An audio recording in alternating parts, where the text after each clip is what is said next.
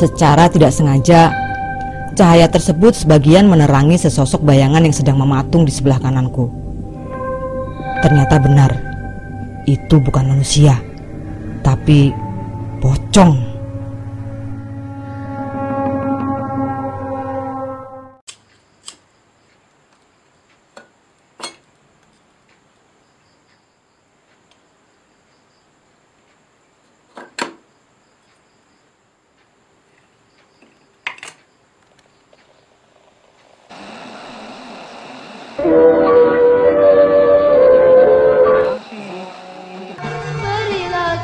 Jawabanmu Selamat datang di podcast Kopi Hitam.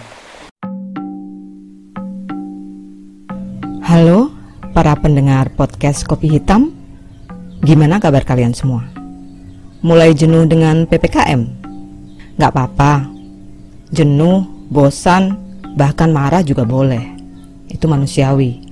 Yang penting jangan membuat tindakan-tindakan yang kontroversial. Misalnya turun ke jalan cuma pakai dalaman doang. Bukannya apa-apa. Kalau masuk angin gimana? Mendingan buang stres dengan cara dengerin saya cerita. Seperti kisah yang akan saya ceritakan ini yang dikirimkan oleh HP ku. HP ku ini setahu saya pendengar setiap podcast Kopi Hitam. Ceritanya cukup pendek, tapi menegangkan. Ya udah, langsung saja saya bacakan ceritanya. Sebuah kisah nyata yang berjudul Ditemani Pocong Merah. Dikirimkan oleh HP ku. Assalamualaikum, Mbak. Waalaikumsalam. Nama saya Era. Untuk pertama kalinya ini, saya akan menceritakan kisah horor yang dialami oleh suami saya tiga tahun lalu. Supaya lebih enak didengar, selanjutnya saya akan berperan sebagai beliau. Jadi, saya di sini berarti suami saya. Langsung saja kita masuk ke ceritanya. Namaku Tejo. Ini adalah kisah nyata yang aku alami tiga tahun lalu. Tepatnya seminggu selepas Idul Fitri tahun 2019. Malam itu kami sekeluarga berkunjung ke rumah bosku. Aku bersama istri dan kedua anakku. Begitu sampai di rumah bosku, kami bersalaman, saling maaf-memaafkan, lalu kami mengobrol bersama. Kebetulan bosku dan keluarganya sudah akrab dengan anak dan istriku. Di tengah asiknya obrolan kami, tiba-tiba ada bunyi telepon di HP bosku. Ternyata itu dari Joko, karyawan penjaga pabrik yang sedang berjaga pada malam itu. Joko memberitahukan ke bos bahwa listrik di pabrik mengalami konsleting. Lalu si bos memintaku supaya sepulang dari rumahnya aku mampir ke pabrik. Kupikir itu bukan hal yang sulit, jadi aku pun mengiyakan. Setelah berpamitan, kami sekeluarga langsung menuju pabrik yang jaraknya cukup dekat. Hanya sekitar 10 menit dari rumah bosku. Dan benar saja, sesampai di depan pabrik, suasana gelap gulita.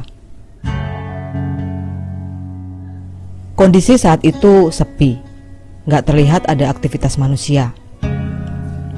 Setauku, malam itu yang bertugas jaga pabrik adalah Joko dan Samsul.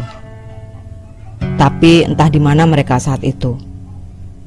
Aku segera turun dan berjalan menuju pintu gerbang pabrik. Lalu aku memanggil nama kedua karyawan tersebut.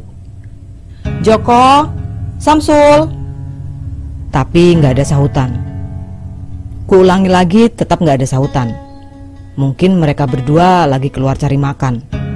Karena kulihat pintu gerbang tergembok dari luar. Sementara waktu terus berjalan. Kalau aku harus menunggu mereka membukakan pintu gerbang, kami sekeluarga bakal pulang kemalaman. Kasihan anak istriku. Aku harus melakukan sesuatu. Lalu, aku meminta anak dan istriku menunggu di luar pabrik, sementara aku memanjat tembok untuk masuk ke dalam pabrik. Begitu sampai di dalam, aku segera menuju gardu listrik.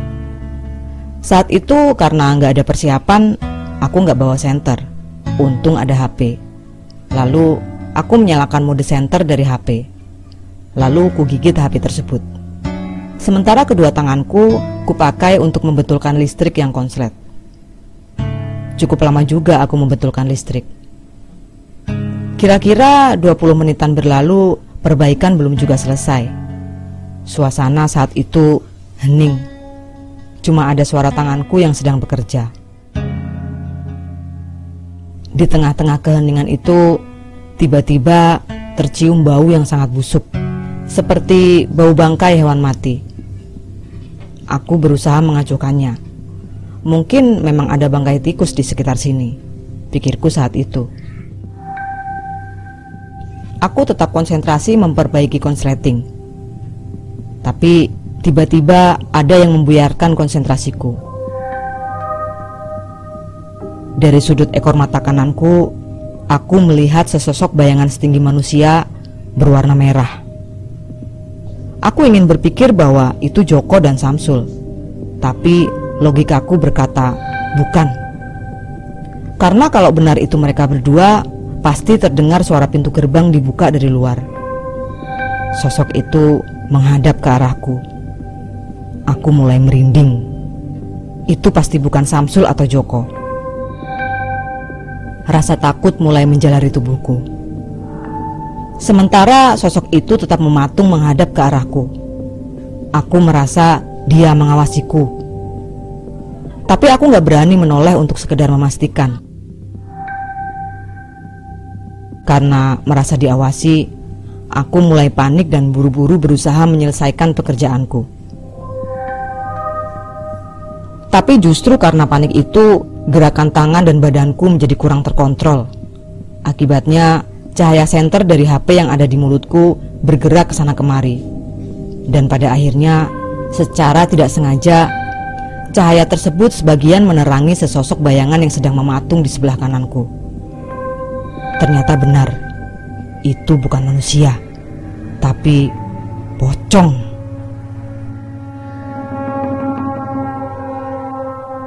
Pocong dengan kain pembungkus berwarna merah. Rasanya jantungku melompat-lompat melihat sosok itu. Aku buru-buru mengatur arah senterku supaya cahayanya nggak lagi mengenai sosok tersebut.